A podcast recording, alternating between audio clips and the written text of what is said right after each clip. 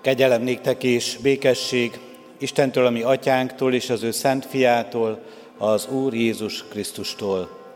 Amen. Isten tiszteletünket testvéreim Zsoltár énekléssel kezdjük.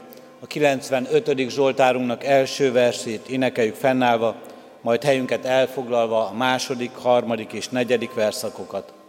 A 95. Zsoltárunk így kezdődik. Jertek örvendjünk minnyájan az Úrban, mi kősziklánkban.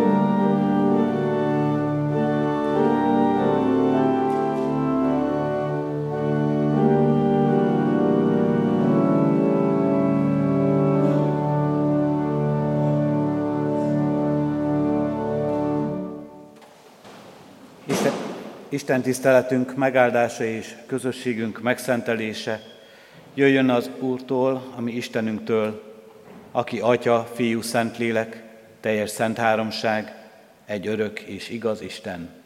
Amen. Hallgassátok meg testvéreim Isten igét, amely szól hozzánk és tanít minket.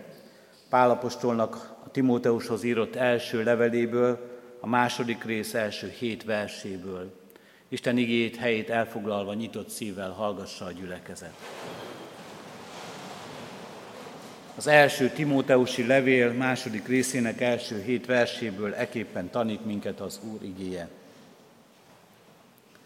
Arra kérlek mindenek előtt, hogy tartsatok könyörgéseket, imádságokat, esedezéseket és hálaadásokat minden emberért, a királyokért és minden feljebb valóért, hogy nyugodt és csendes életet éljünk, teljes Isten félelemben és tisztességben.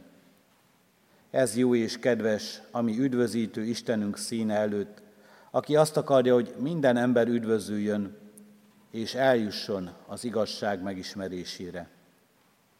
Mert egy az Isten, egy a közben járó is, Isten és emberek között, az ember Krisztus Jézus, aki váltságulatta önmagát mindenkiért, tanúbizonyságként a maga idejében. Azért rendeltettem hírnökül és apostolul. Igazat mondok, nem hazudok, hogy a hitre és az igazságra tanítsam a népeket. Eddig Isten írott igéje. Hajtsuk meg fejünket és válaszoljunk erre, ami imádságunkban.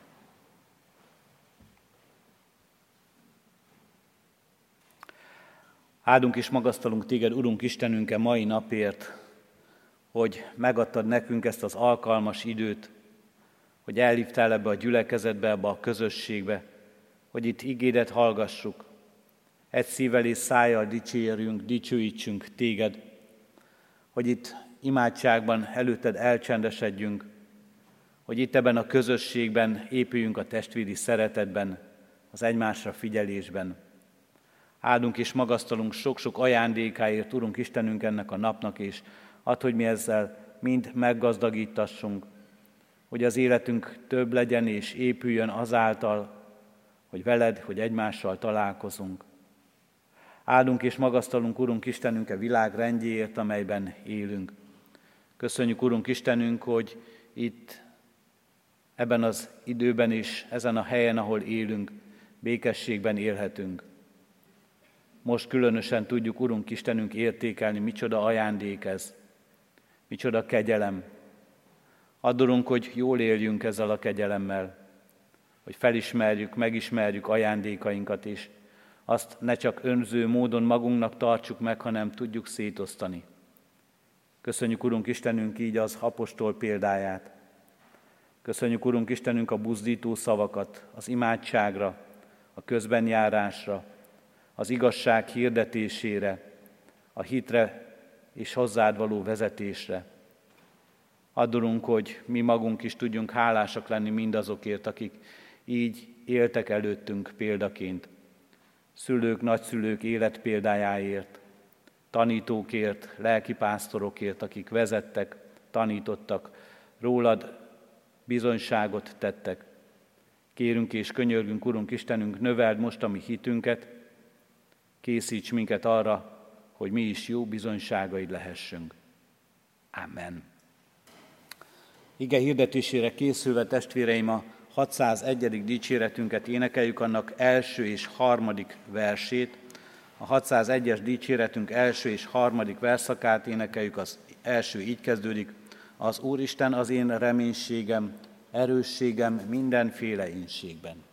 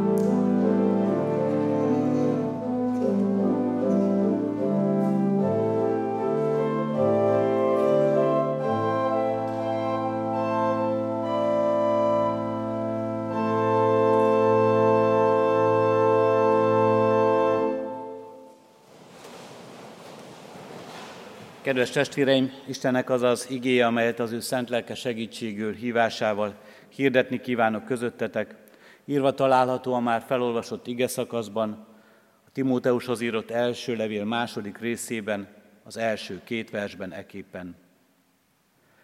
Arra kérlek mindenek előtt, hogy tartsatok könyörgéseket, imádságokat, esedezéseket és hálaadásokat minden emberért, a királyokért és minden feljebb valóért, hogy nyugodt és csendes életet éljünk, teljes Isten félelemben és tisztességben. Eddig az írott ige. Kedves testvérek, a református bibliolvasó rend szerint olvassuk, a héten kezdtük el olvasni a Timóteushoz írott első levelet. Ez a levél a maga megírásának idejében egy olyan helyzetben született, amikor az apostol rendelkezik annak a tanítványának, aki apostol társául szegődött, és aki az efézusi gyülekezetet és annak ügyes, bajos dolgait vezette és intézte, és ebben szeretném megerősíteni, egészen konkrét útmutatásokkal is segíteni Timóteust Pálapostól. A levél írásakor valószínűleg Néró volt a római császár. Nem kell róla sokat mondanom, jól ismerjük talán történelmi tanulmányainkból, olvasmányainkból, más élményekből, mindazt, amit örökségül hagyott, aminek mai napig is megvan a lenyomata, nem csak Róma városában, hanem az egész történelemben is. Néró, a véres kezű, az őrült császár és költő, leginkább csak arról ismert, hogy hogy felgyújtotta Rómát, hogy láthassa az égő várost, hogy így még inkább inspirációt kaphasson egy vershez és egy költeményhez. Gazdagságban, tobzódásban, féktelenségben élte az életét és uralkodott egy egész birodalom fölött. Más császár is lehetett volna éppen, talán kevésbé lett volna az, az is népszerű. Jézus korában és Pálapostól korában is a hatalom nem csak a császár kezében, de a provinciákban, így Judában, Izraelben is leginkább egy ember kezében összpontosult. És Pál sem véletlenül emeli ki, amikor az imádságról beszél, és arról szól, hogy minden emberért imádkozzunk, de emeli ki ebből a sokasságból az állam vezetőit, a királyokat és a vezetőket.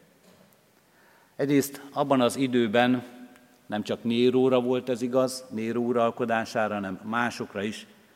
Az emberek nem a császárért, vagy a királyért, vagy a vezetőért imádkoztak, hanem nagyon sokszor hozzájuk imádkoztak. Mert hogy Istenként tiszteltették és imádtatták magukat. A Jeruzsálemi templomba is bevitettek császár szobrot, ezzel megszentségtelenítve azt. Hozzájuk imádkoztak az emberek, mert valóban Isteninek nevezték őket, és sokszor sokan talán úgy is gondolták, hogy az Istenek leszármazottai ők. Egyenlők a hatalmukban, a rangjukban az Istenekkel.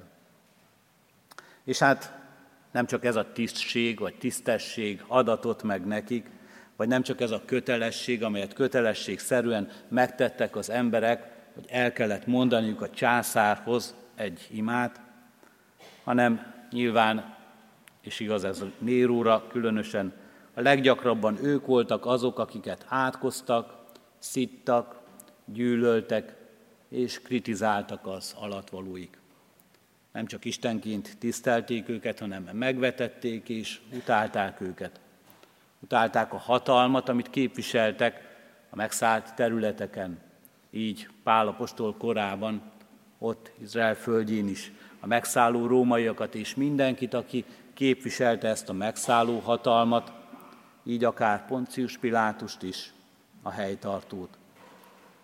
És utálták nem csak a hatalmat, hanem azt is, ahogyan ezzel a hatalommal éltek és visszaéltek, a fényűzést és a maguk szegénységét, a kettő, kettő között feszülő ellentétet, a katonai erőszakot, és minden mást, amit sokszor a hatalom így negatív módon megjelenített.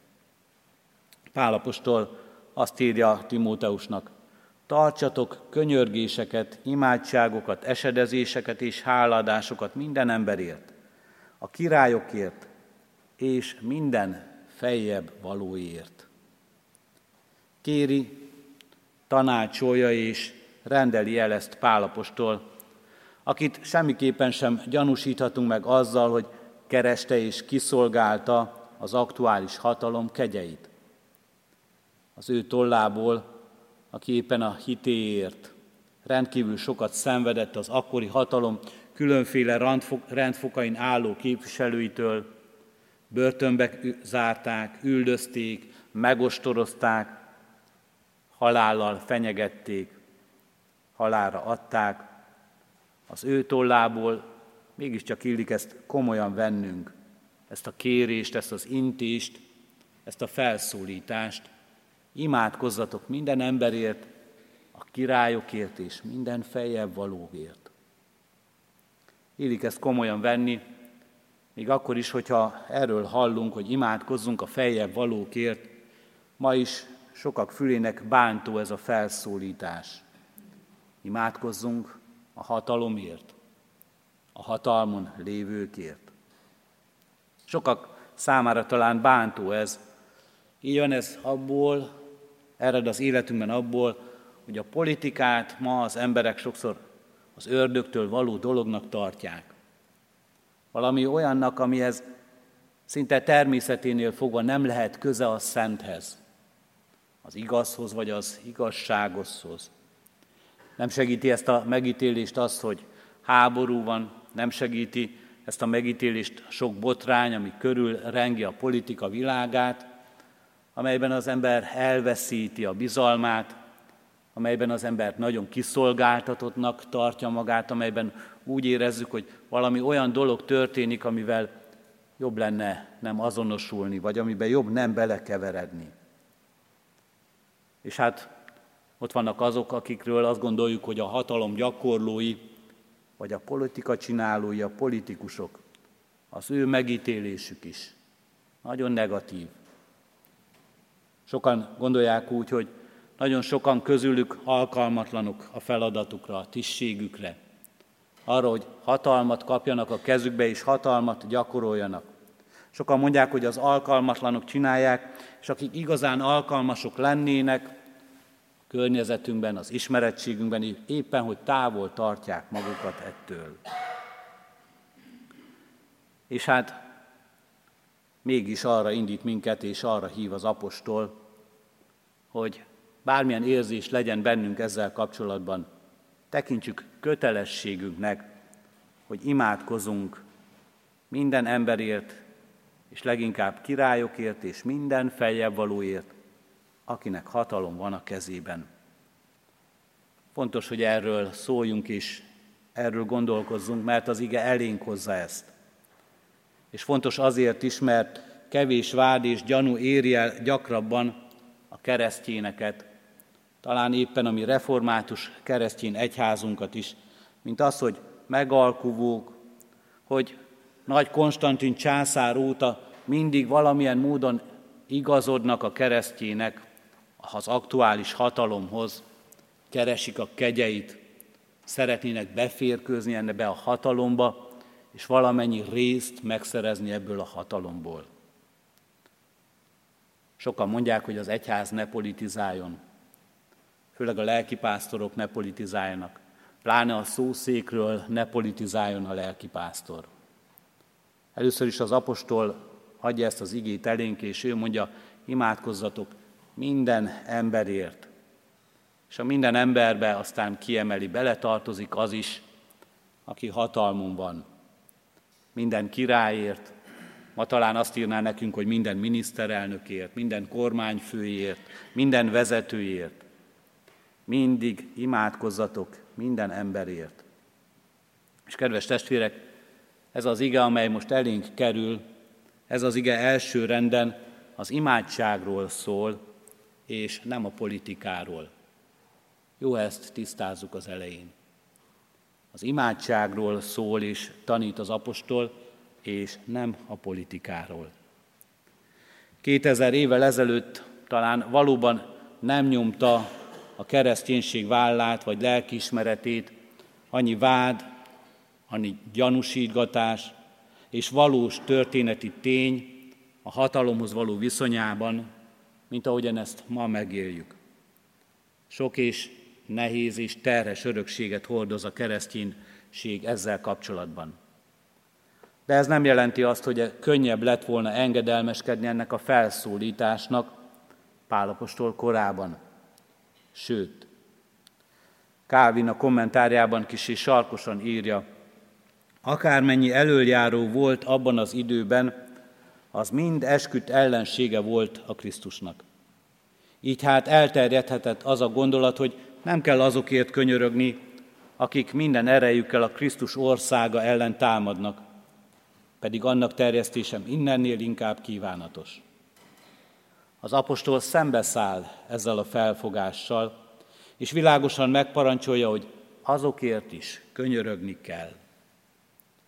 Tartsatok könyörgéseket, imádságokat, esedezéseket és hálaadásokat minden emberért, a királyokért és minden feljebb valóért. Először is egy rövid kitérőt mégis az aktuális, vagy, nem, vagy mindig és örökké való hatalomról és az alatt valók helyzetéről, mit is tanít nekünk erről a Szentírás.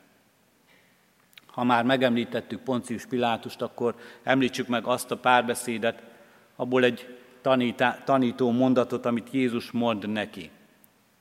Jézus így válaszol Pilátusnak, semmi hatalmad nem volna rajtam, ha nem felülről adatott volna neked. A hatalom Istentől van. A világi hatalom is Istentől van. Jézus erre tanít meg minket ebben a mondatban. Nem csak arról a hatalomról beszél, amiről újra és újra bizonyságot tesz, hogy neki, Krisztusnak milyen hatalma van ebben a világban, hogy mindenek fölött hatalma van. De itt most éppen egy világi hatalomnak alávetve azt mondja, ez a hatalom a tiéd, ez a világi hatalom, a katonai erő, a törvény, mindaz a jog, amivel élsz, és amivel most fölöttem ítélsz, az is Istentől van. És Pálapostól, ha róla van szó, a rómaiakhoz írott levélben ezt mondja, minden lélek engedelmeskedjék a felettes hatalmaknak, mert nincs hatalom mástól, mint Istentől, ami hatalom pedig van, Istentől rendeltetett. Aki tehát nem engedelmeskedik a hatalomnak, az Isten rendelkezésével fordul szembe. Ha Isten adja ezt a hatalmat, akkor különösen is fontos számunkra, hogy milyen ez a hatalom. Hogy kiknek a kezében van. Hogy kiket ruház fel az Isten. Milyen lelkületű, milyen érzésű, milyen szándékú, milyen akaratú embereket, milyen céllal rendelkező embereket, akik merre irányítják ennek a világnak a sorsát. Imádkoznunk kell Imádkozni kell a vezetőkért. Azt mondja ez az ige, kell, és ez nem kérdés, hogy kell-e. Nem mondhatjuk rá, hogy hát nem kell. A kérdés az, hogy miért kell. Miért ne kellene? Mert mindent jól csinálnak a hatalmasok. Mert akik vezetik a népeket, azok tökéletesek ha mindent jól csinálnának, és ha mindig mindenben tökéletesen döntenének, akkor tényleg nem kellene értük imádkozni. Akkor tényleg akár még azt is mondhatnánk ők, hogy félistenek ők, ahogyan a császár gondolta ezt magáról, ahogyan a generalissimus hirdette ezt magáról. Miért ne kellene? Mert nem csinálnak minden jót, mert nem hoznak mindig tökéletes és jó döntéseket? Vagy ahogyan sokszor nagyon általánosan azt mondják, semmit sem csinálnak jól. Miért ne kellene? Nem csinálnak minden jól, de úgy sem fognak megváltozni, hiába is imádkoznánk értük. Isten sem tudja őket megváltoztatni. De itt hívő keresztényként tegyük fel a kérdést, nem tudja. Nem lenne rá hatalma, hogy megváltoztassa?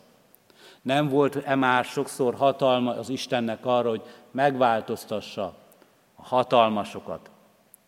Vagy királyát tegye, vagy trónjáról letaszítsa azokat, akiket ő úgy gondolt. Miért ne kellene? Nem csinálnak jól mindent, de nem mondhatjuk, hogy Isten sem tudja megváltoztatni őket. Második világháború után Szimányi József és Horkai Barna református lelkészek 1947-ben nagy bátorsággal tollat ragadtak, és levelet írtak Stálinnak.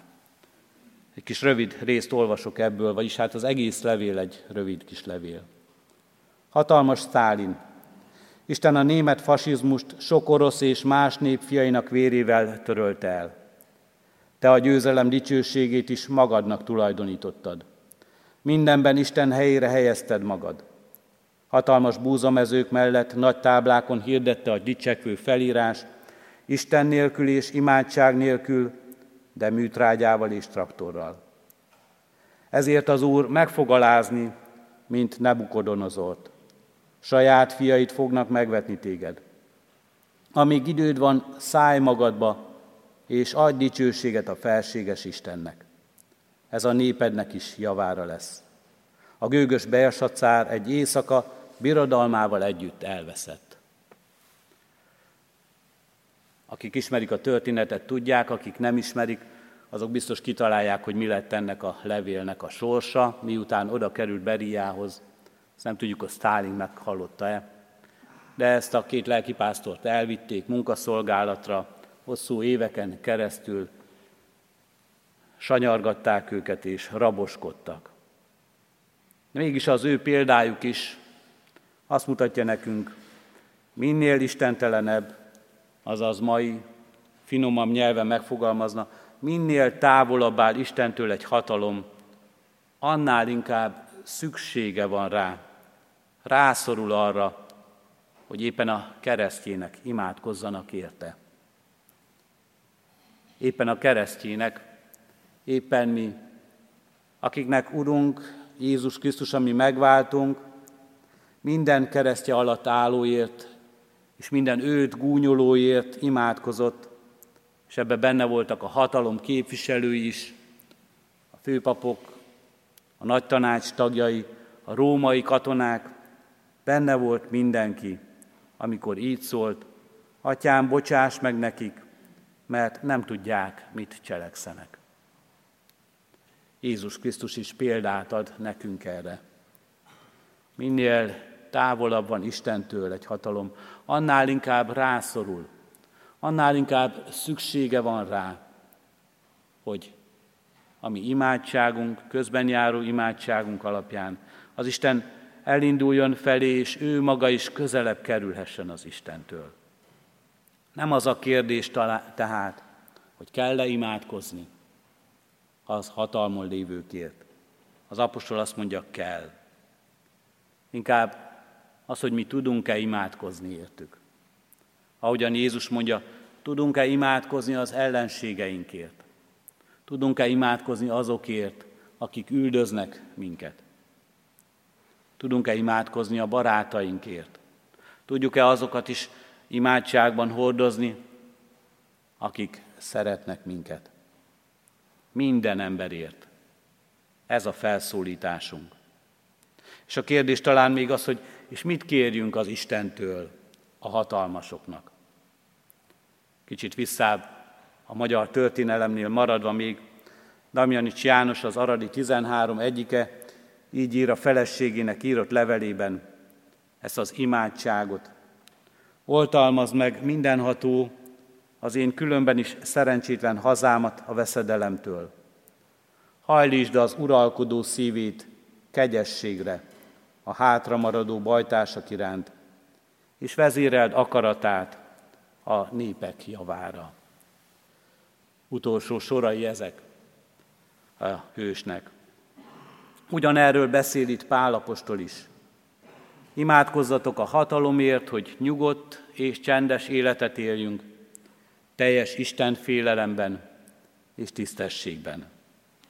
Imádkozzatok a királyokért, a vezetőkért, imádkozzatok azért, a feljebb valókért, hogy bölcsességet kapjanak Istentől.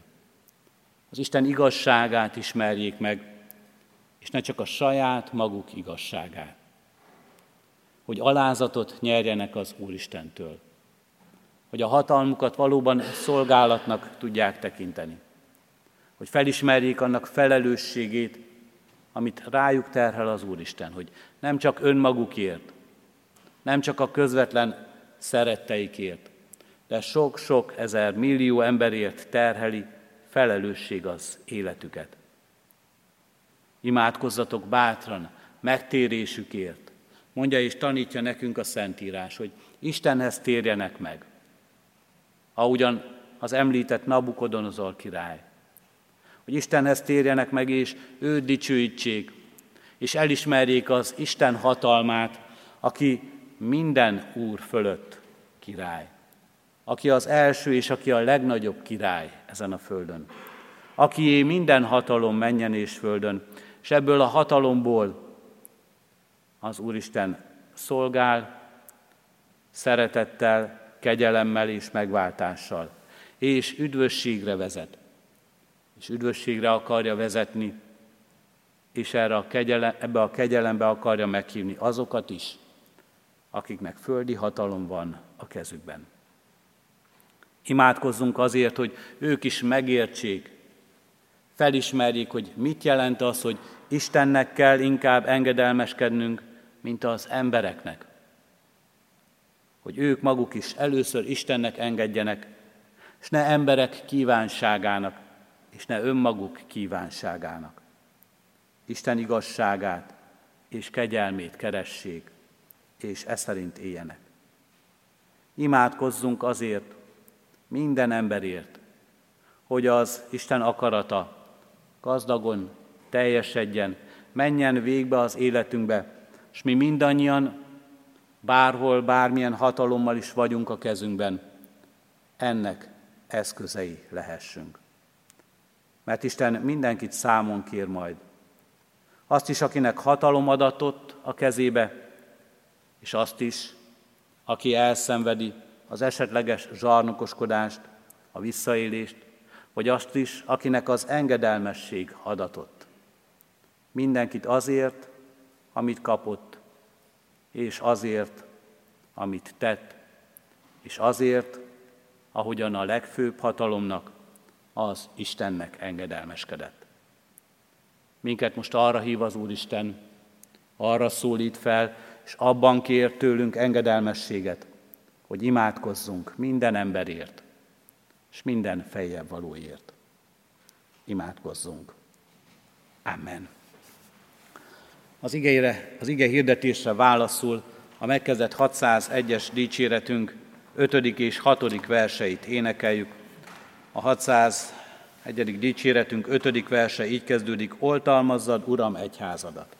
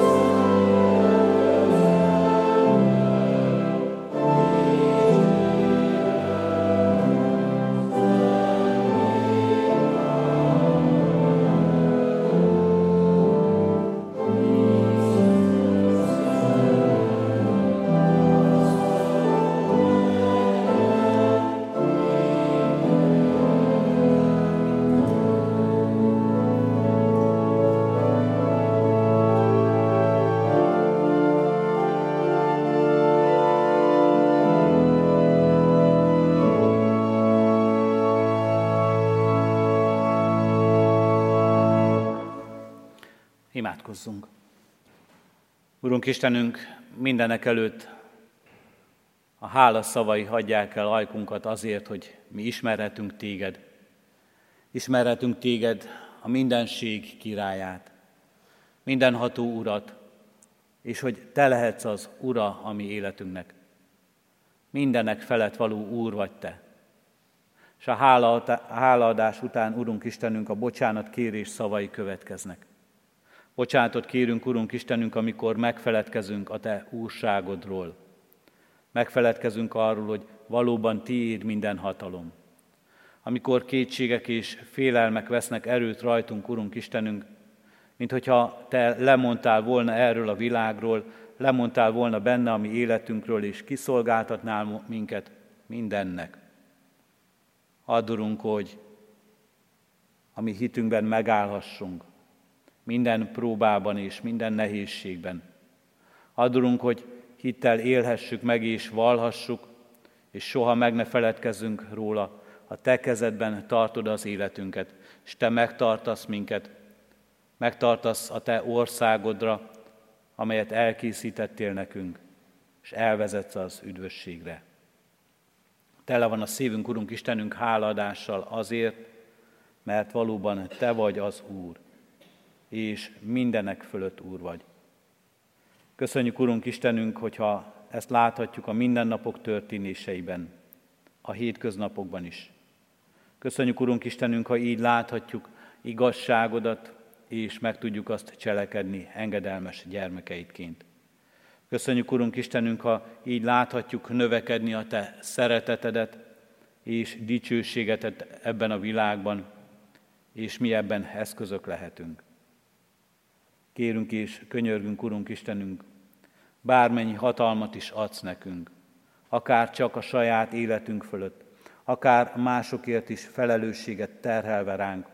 Adj nekünk bölcsességet, alázatos szívet, adj nekünk a Te követésedet, add hogy a Te akaratodat tudjuk teljesíteni. Add ehhez a vezetésedet, a választásokban, a próbákban, a nehézségekben szabadításodat. Add nekünk, Urunk Istenünk, att, hogy soha ne tévesszünk szemünk előtt a célt, amely Te magad vagy, amelybe hívsz és vársz minket, a Te országod teljességét. És Urunk Istenünk, adj nekünk engedelmes szívet.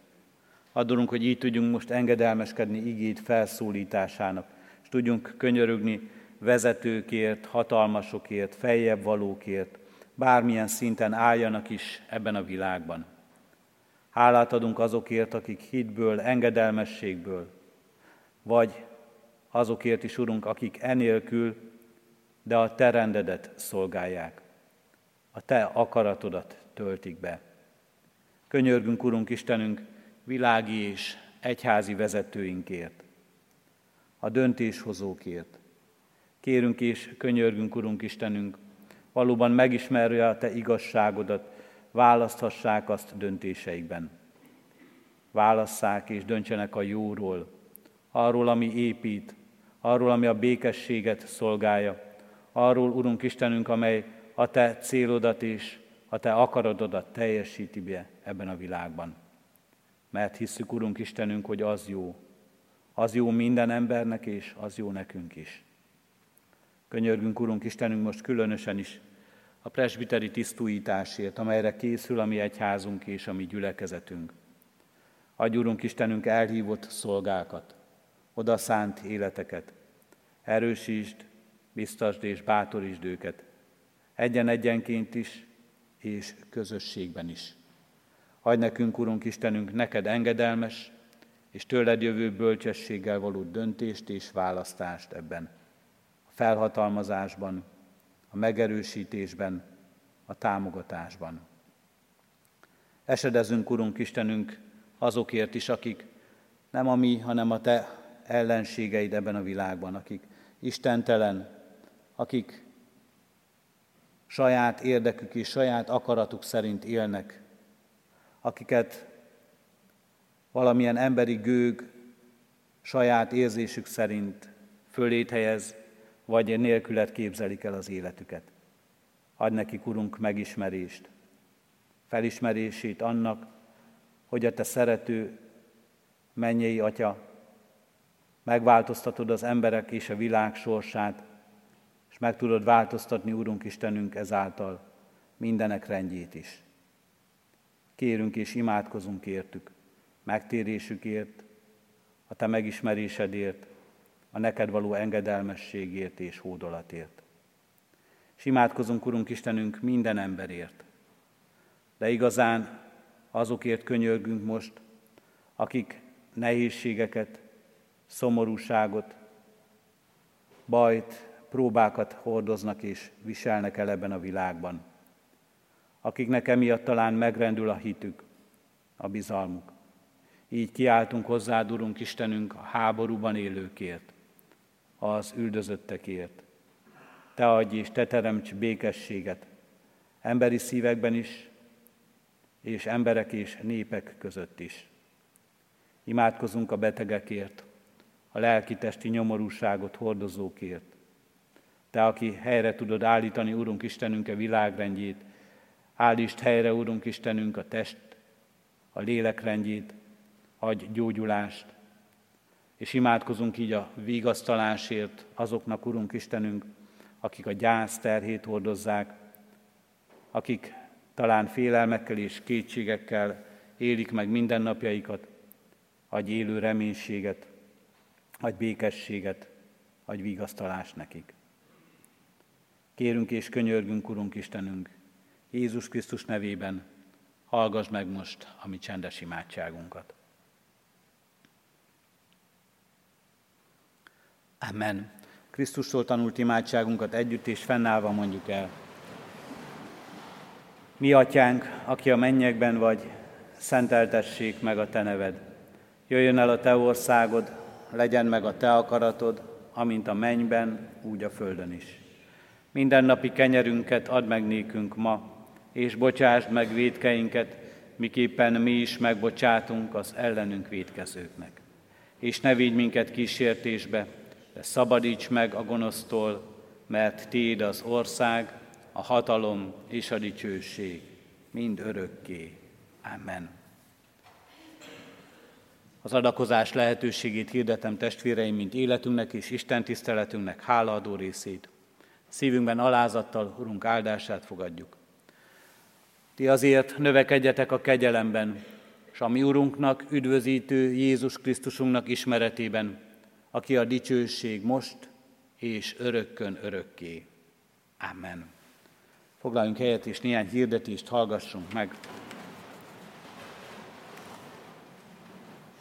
Szokott rendszerint a kiáratoknál most is hirdető lapok várnak ránk, vigyünk magunkkal egy-egy példányt, ugyanezeket a hirdetéseket az Egyházközség honlapján, az interneten keresztül is olvashatjuk és megtalálhatjuk.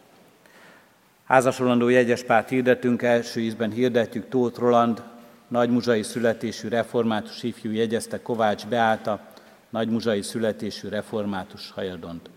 Francsics Bence, kaposvári születésű református testvérünk jegyezte Varga Bianca, kaposvári születésű római katolikus testvérünket.